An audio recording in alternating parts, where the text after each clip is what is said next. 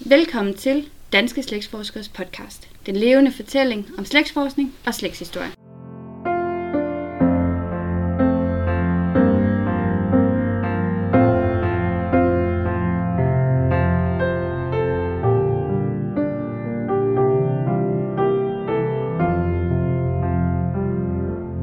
Mit navn er Mette Borchardt Valund, og i dag der er jeg taget til Frøsserlejrens Museum, hvor jeg skal snakke med museumschefen hernede, Henrik Skov Christensen. Tak fordi du ville være med. I, øh, og vi skal snakke om Frøsselejrens fangelejr. Hvad var Frøsselejren egentlig for et sted? Var det, altså blev det tyskerne, der byggede det, eller var det egentlig en dansk fangelejr, eller var det en dæk over, at de skulle have interneret dem hernede? Det var en tysk fangelejr, men den var bygget for danske midler og på dansk initiativ. Der skete jo det, at tyskerne fra efteråret øh, 1943 begyndte at deportere danske borgere til korsetlejre og, og tugthus i Tyskland, og det ville man forsøge at undgå fra de danske myndigheders side, så man optog øh, for, forhandlinger med Werner Best, altså den tyske rigsbefuldmægtige, om at få bygget en lejr på dansk grund, så de kunne blive interneret der i stedet for at blive sendt sydpå. Og efter nogle tid, så gik tyskerne faktisk med til det. Og der er vi så hen i, øh, i marts 1944. Der går de med til, at lejren bliver bygget, og den bliver bygget, for det er jo danskerne, der stillede de økonomiske midler til rådighed, og de betalte også for driften af lejren. Men det var et tysk kommandantskab, der var i lejren. Det var et tysk bevogtningsmandskab. Men så er der en ting, der er vigtigt at holde fast i. Det var det danske fængselsvæsen, der kom til at stå for forplejningen. De havde ingenting at skulle have sagt ind i lejren, men de lavede maden til fangerne. Og det gjorde jo en kæmpe forskel i, i forhold til tilsvarende lejre rundt omkring i Europa. Fordi fangerne fik så en vældig god kost, god, solid husmandskost, som var fuldstændig på linje med det, den danske civilbefolkning i al almindelighed fik at spise.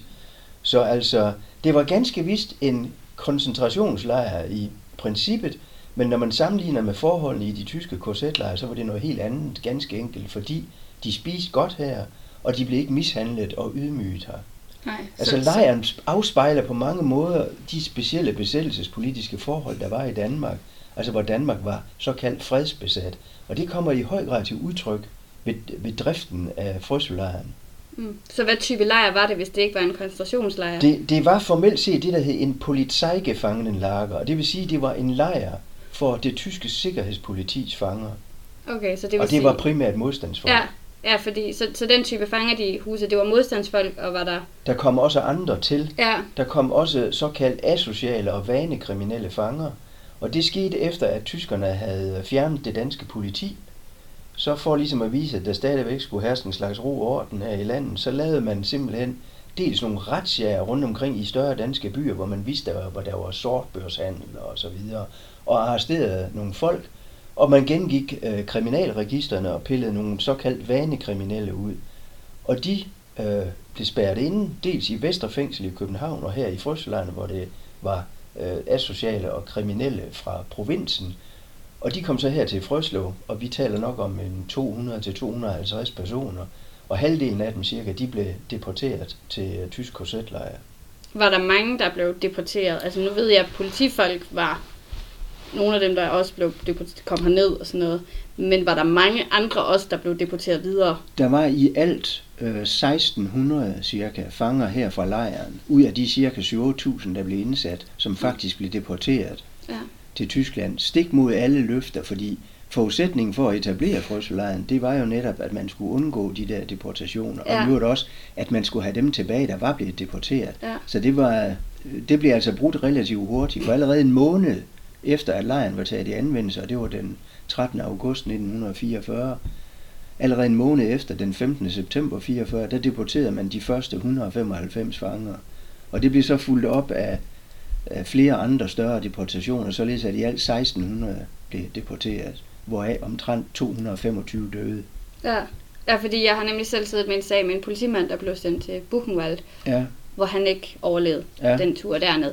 Så derfor så tænker jeg nemlig også, at jeg havde egentlig forstået det som om, at de nærmest ikke skulle deporteres, Mhm. mm. som var blevet lovet, men Ja. ja. det blev ikke holdt i den. det blev ikke overholdt Nej. i, i fuld udstrækning, nej.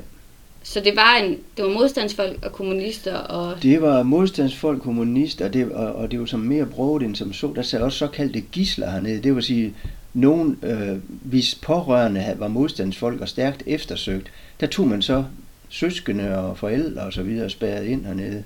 For simpelthen at, Ja, simpelthen som en slags repressalie. Ikke? ja, at hvis du ikke snart melder dig frivilligt, Ja, men det var simpelthen også nogen, der var fanget. ja, Altså for eksempel nogle SOE-agenter, de Ja. der faldskærmsagenter, som var fanget og sad i tysk fangenskab, der tog man alligevel at spærre familien inden. og det gjorde man for at vise, at det, Det var- her, Det, det er simpelthen for at afskrække Ja. folk for at, at foretage sig sådan noget. så det var egentlig en lejr for at skåne folk at komme til koncentrationslejre, men alligevel så endte de dernede nogle Det var der en del af dem, der gjorde, ja. ja. Altså cirka 1600 ud af de cirka 7000, der blev indsat. Men man må alligevel sige, når man tænker lidt køligt på det, at øh, lejren opfyldte jo i hvert fald til en, i en vis udstrækning sin funktion eller sin mission, fordi man må formode, at alle de der 7-8.000, der kom her til Frøsle, de ville være blevet sendt til Ja. ja. tysk korsetlejr, hvis ikke lejren havde eksisteret. Mm. Plus, det trak også deres øh, deportation ud, Ja. ja. ikke? Og det betød jo så, at de havde kortere tid i korsetlejr. Det betød også meget for overlevelsen. Men hvad var det for en hverdag? Var det også arbejde og fysisk hårdt og... Nej, det var arbejde principielt, fordi altså tyskerne havde det hellige princip, at alle arbejdsduelige fanger, det vil sige mandlige fanger, der var sunde og rask og var under 55, de skulle arbejde. Det var ligesom i korsetlejrene. Mm. Men altså her i lejren, der var der ingen, der overanstrengte sig. Nej. Det var fangerne selv, der via deres øh, fangeselvstyre øh, skulle øh, organisere det her arbejde, og man opstillede de mest sindssyge og bizarre arbejdskommandoer for, at de på papiret kunne arbejde. Ja. Man havde for eksempel en, det hed på tysk, Gitterfuss Abstreicher Reinigungskommando, eller på dansk en dørrestaurensningshold. Og det var simpelthen flere fanger, der var fuldtidsbeskæftiget med bare at gå og gøre de dørrester rene, som folk tørrede før på, inden de gik ind i barakken. Så det var, det var simpelthen sådan en kæmpe Potemkin-kulisse, det der. Ja, så det var simpelthen bare for at dække over, at vi laver noget, men Ja, vi laver reelt set ja. ikke noget. Men øh, den tyske lejrkommandant, han er jo ikke været dum. Han kunne da jo garanteret udmærket gennemskue, sådan var det. Men han kunne jo så rapportere til sin chef. Sikkerhedspolitichefen i København. Alle er i arbejde. Mm. Øh, det kører. Ja, men han behøver jo så ikke informere om, at Nej. det, de lavede, det var måske ikke sådan. Nej, Men kom fangerne fra hele Danmark af, Ja. eller var det primært Sønderjylland, det der var blev hele landet. Ja. Det var det. Det og, var det. og var de typisk i et andet fængsel, inden de blev sendt? Det var, de, øh, det var de stort set alle. Altså, de var alle sammen arresteret af sikkerhedspolitiet, og så var de blevet taget ind på de lokale øh, tjenestesteder, sikkerhedspolitiet her rundt omkring i landet, eller hovedkvarteret Sjælhuset i København. Ja. Så var de blevet afhørt, og når man følte, at deres sag var afsluttet, at man ikke rigtig kunne få mere ud af dem, Mm. så blev de sendt til Frøslev. Ja. Først derefter. Så, det blev var de- sådan ligesom nærmest endestationen. en- det, det, var, det var sådan en slags opbevaring. Uh, man ikke mente, man uh, kunne få flere oplysninger ud, så blev de bare opbevaret herovre, mm. fordi man kunne ikke lade dem gå løs rundt. Nej. Men blev de også tortureret her i lejren? Nej, Nej Det der gjorde var de ikke... ikke. øh, Der var, altså den vold, der blev udøvet mod de her fanger, der, der var i frøslejren, det var en, der var udøvet før de kom til lejren. Ja. Altså mens de blev afhørt. Ja. Hvor mange, altså der var flest her, hvor mange fanger var de så egentlig samlet i et? Da der var allerflest, det var fra den 20. til den 22. april 1945, der var der 5.500 fanger i lejren. Men det skyldes jo den lykkelige omstændighed, at de fanger, der var i Tyskland, de blev hjemført med de såkaldte Mm. hvide busser. Og mange af dem, de kom omkring Frøslejren og var her nogle få Ja. ja. dage. Men ellers vil jeg sige, at altså for eksempel i marts 45, der var der en 3.300 fanger. Det var nok der, hvor det var højst 3.600 fanger. Det var der, det var højst ved almindelig fangebelæg. Mm. De, to, de der ekstra 2.000, det var nogen, der kom sydfra. Så det var egentlig en god ting, at de sådan kom herop, fordi det var jo egentlig, Ja, at de ja. blev befriet nu. Ja, ja, ja, men det var Ja. simpelthen, det var fordi, de var blevet sluppet, øh, sluppet ud fra de der korsetlejre.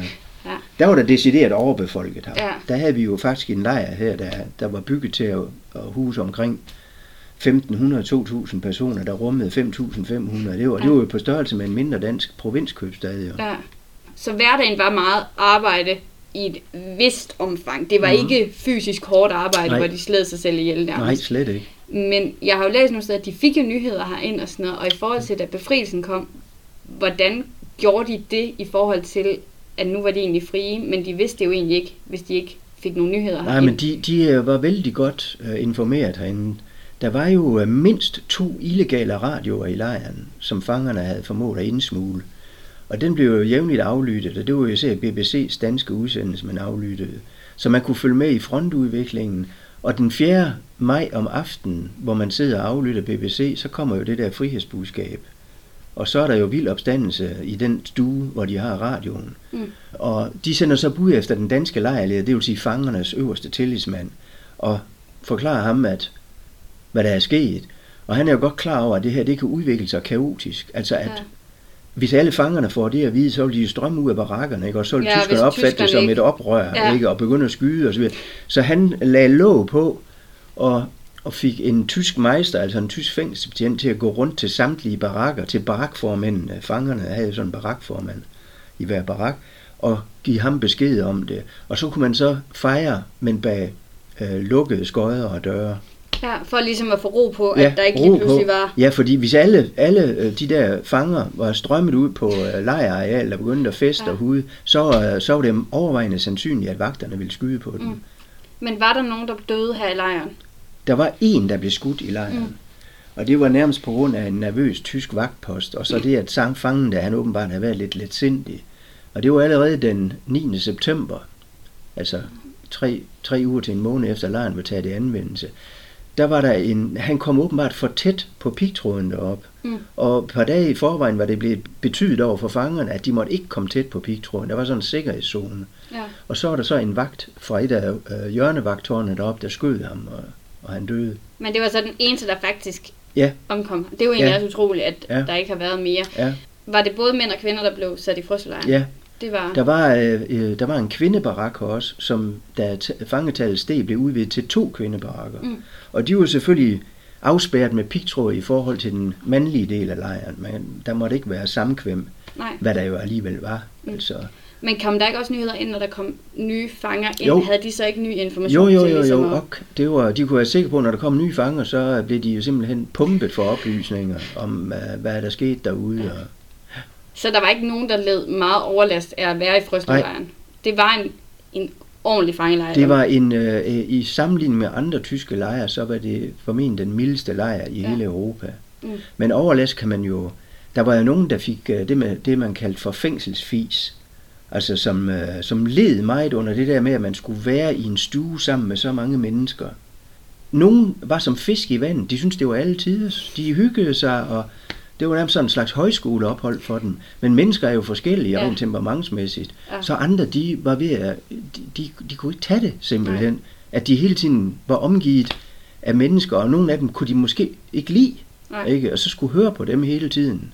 Og hvad var det sådan typisk antal mennesker, de boede på sådan en stue eller barak, eller hvad man kan sige? Jamen det var faktisk lidt forskelligt alt efter, hvor mange fanger der var i lejren. Men Ja. altså, der var jo som udgangspunkt en 16-18 stykker på en stue. Ja, og der var så en barakformand, så der var sådan et form for hierarki blandt fangerne Ja, til at sige. Der var det, man kalder for fangeselvforvaltning. Det er fuldstændig ligesom i de tyske korsetlejre. Der havde man også en lagerældste, altså en lejrleder, som var fange. Man havde blokäldste, altså det der her var en barakkenældste, så vi kalder det så på dansk barakformænd. Og det, det var en fangeselvforvaltning, ligesom i de tyske korsetlejre. Mm. Og i de tyske korsetlejre, der er noget af det mest vederstykkelige, det var de her fangeselvstyre. Fordi hvis du skulle overleve i en tysk korsetlejr, så skulle du enten selv være en del af det der fangeselvstyre, eller stå på god fod med dem. Mm. Så der var hele tiden sådan en kamp om overlevelse, og det skyldes jo, der var ikke mad nok. Ja, Det var der jo her i lejren. Ja. Så der var ikke noget basis for sådan en rå overlevelseskamp. Der var også kun én nationalitet her i lejren. Det betyder også, at der var ikke nationale gnidninger. nej. Der var heller ikke formelt set flere forskellige fangekategorier. Det var der i de tyske korsetlejre.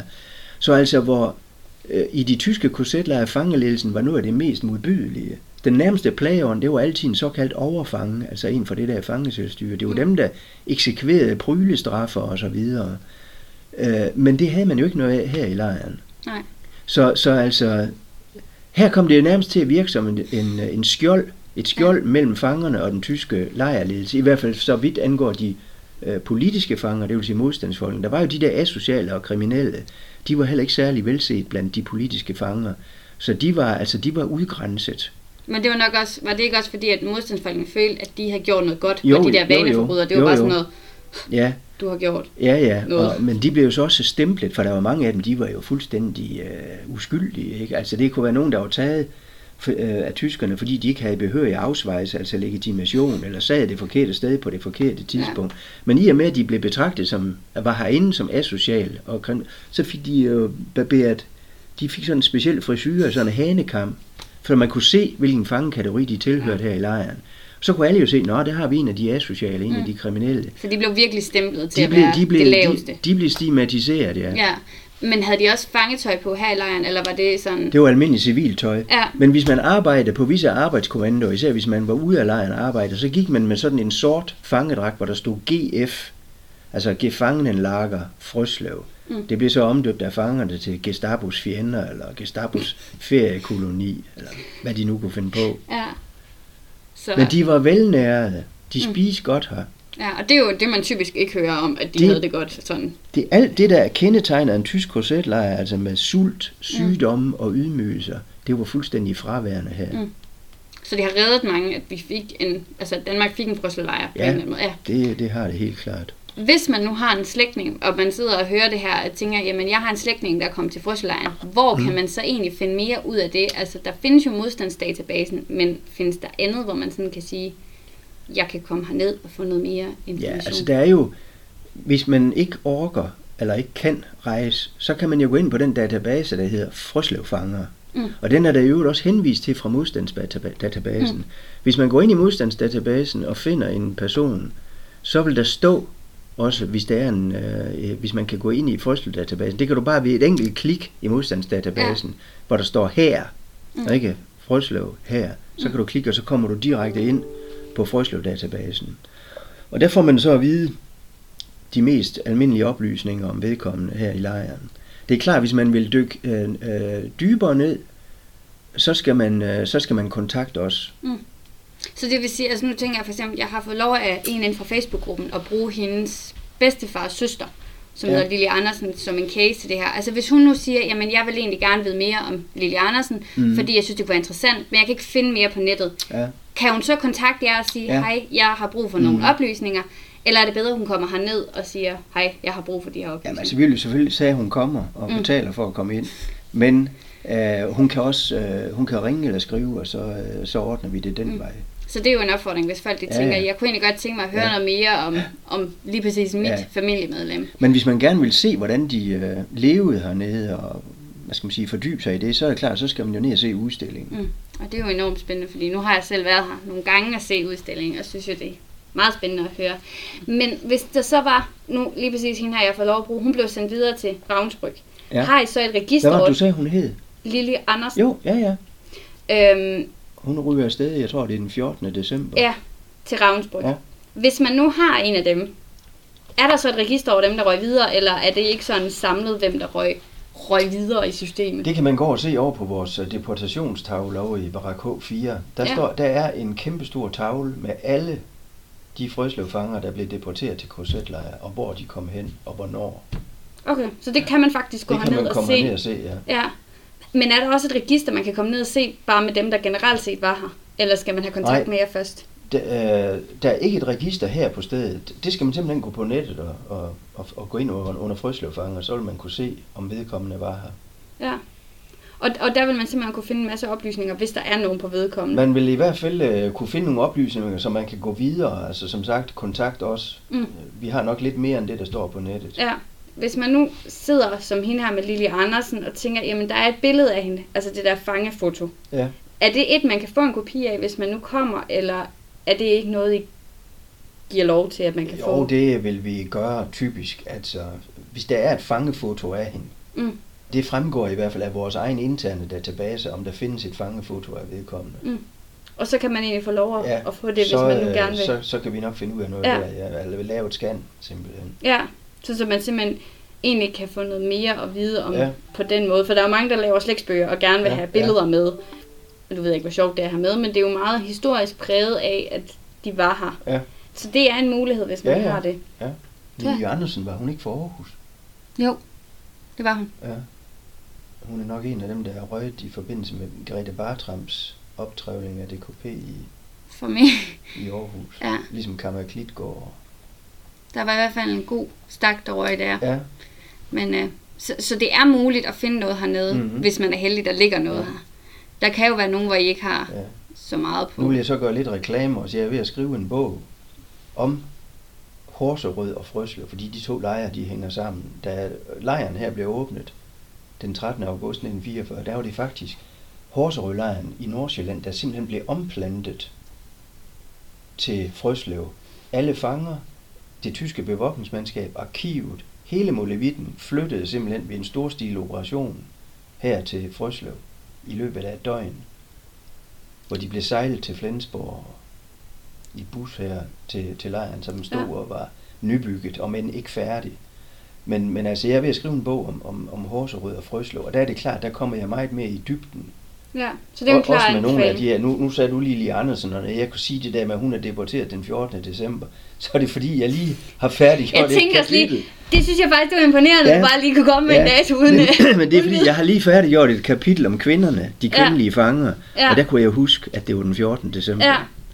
Mener jeg i hvert fald, ja, det var. Så hvis man egentlig også havde nogen, der sad i Horsrødlejren før Frøslev, ja. så har man faktisk også mulighed for at kunne komme herned og få noget mere Ja, det, øh, det vil jeg sige, fordi altså arkivet over fangerne, det er jo det, der kommer fra Horserød. Mm. Altså de første 750 fanger her i lejren, det er jo, det er faktisk folk fra Horserød. Okay, ja, det vidste jeg faktisk ikke. Så, så det var egentlig altså, en god lejr at komme til, hvis man mm. sådan skal kategorisere ja, ja. det som... Altså Horserød, dem der kom fra Horserød og kom herover, de synes selvfølgelig, at det var lidt mere uhyggeligt herover, fordi hvis man ser på lejrens geometri her, ja. så er det jo helt tydeligt, det her det er virkelig en fangelejr. Ikke? Mm. Med, med, øh, med, med et midtervagtårn med rekylgevær, fem hjørnevagtårn med rekylgevær, pigtråd, miner og barakker, der ligger sådan, man kan se, at det er for at skabe frit skudfelt for de der rekylgevær, der er i vagtårn. Sådan så Horsøjlejren jo overhovedet ikke ud. Nej. Den lå i det idylliske Nordsjælland i midt i en skov og med røde barakker. Og den, de der røde barakker, der er her i dag, det er jo ikke de, den originale farve. Nej, hvad farve var det der? Det er ligesom hovedvagtårnen og H4 er stadig. Ja. Det er de to originale bygninger, ja, som er, i det nationale museum. Det er sådan, det, er rå, det var rå træ, der var malet med noget, der hedder carbolinium. Det er sådan en slags ja. datidens gore. Mm. Men øh, de synes jo, at den her lejr, den virker ved første øje, øjekast sådan meget uhyggelig mm. i forhold til Horserød. Ja. Men maden var den samme, fordi den danske forvaltning i Horserød, altså fængselsvæsenet, de flyttede også med herover. Og hvordan kunne de få lov til det, tænker jeg lige? Altså sådan... Jamen det forhandlede de danske myndigheder sig frem til med tyskerne. Ja. At, at øh, fængselsvæsenet i Horserød, de kunne få lov til at flytte med. Ja. Den eneste betingelse er, nu skal du holde ørerne stive, fordi det er kun her i Danmark, man hører sådan noget. Den eneste betingelse, tyskerne havde, det var, at vagtmandskabet skulle have lige så god mad som fangerne. Nå oh ja, okay. Det er rigtigt. Ja. Det er rigtigt. Altså, det er jo en betingelse, man kan leve op til, tænker jeg. Altså, ja. at bare sige. Ja, ja, men altså, altså, i en hvilket som helst anden tysk besat land, der vil man jo simpelthen have tænkt, det der, det er løgn. Ja. ja men øh, det måtte øh, de danske myndigheder, de måtte love, at, at tyskerne fik lige så god mad som fangerne. Ja, det er jo også ja. en nem, tænker jeg, måde at komme udenom, at ens, ens danske statsborger egentlig ikke kommer ud i noget mm. helt forfærdeligt. Men var det kun danskere, der kommer? Der var ikke nogen tyskere, der var ikke nogen... Der var enkelte andre nationaliteter, der fik rodet sig ind af nogen, der havde lavet illegal grænseoverløbning. Øh, der var for eksempel, nu talte vi kvinderne før, mm. der var tre såkaldte finnepiger, der sad i kvindebarakken. Og det var nogen, der til synlande var kommet til landet illegalt med nogle tyske søfolk på et skib i Sønderborg. De blev så arresteret ud på et hotel i Sønderborg og overført hertil formentlig som en slags asociale. Ja. Og de var i, øh, i kvindebarakken, og der stak de jo lidt ud, fordi de var jo øh, de var temmelig promiskuøse. De øh, lykkedes for eksempel med at bryde ud til den mandlige del af lejren og, og yde tjenesteøvelse der i en dag eller to. Og så til sidst så bliver de så deporteret. Ja. Øh, og det sker i januar, mener jeg, 45. Og der er det ret interessant, der er fire, der bliver deporteret. Der den ene, det er en kvinde fra Odense. Hun kommer til Ravnsbryg, men de tre andre, de kommer til Nøgen Gamme. Og der har jeg en, jeg har en stærk fornemmelse af, at de virkelig en, øh, mod eller med deres vilje blev sendt ned til bordellet nede i øh, Nøgen Gamme-lejren. Der var jo et bordel for overfanger. Ja. Det er jo også... Øh, Fordi det en... var ingen, der var ingen kvinder i Nøgen Gamme. Nej. Kvindelige fanger. Nej, det var kun mandlige. Ja. ja.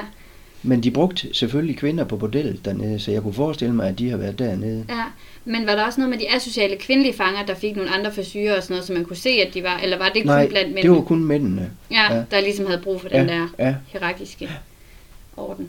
Men altså, så, så det var typisk en god lejr, der var et godt hierarki blandt fangerne, Ja. ja. bortset fra de asociale, der måske Ja, ikke havde ja. det lige godt. Ja. Øhm, men jeg tror faktisk, jeg er ved at være kommet godt rundt, sådan, hvis man tager et overflade, fordi jeg vil jo klart anbefale, at man kommer herned og kigger i det, fordi det her, det er jo det er svært at komme igennem et helt lejrhistorie på en halv time og sige, Ja. her har vi en hel lejr. Men der er jo meget spændende hernede at komme og kigge efter. Mm. Mm. Også bare, nu tænker jeg, at nu må man ikke rejse til sommer, så kan man da tage til Sønderjylland og Ja. få en. Men har du andet, du gerne vil fortælle om Frøsserlejren som lejr? Nej, jeg synes da, vi er kommet meget godt rundt om det. Ja. Det synes jeg. Så vil jeg sige mange tak, fordi du vil være med i, i det her afsnit af, af podcasten. Og Det var så lidt. så håber jeg, at I har nyt det her afsnit, og at vi lyttes ved i næste afsnit af Danske Slægtsforskers podcast.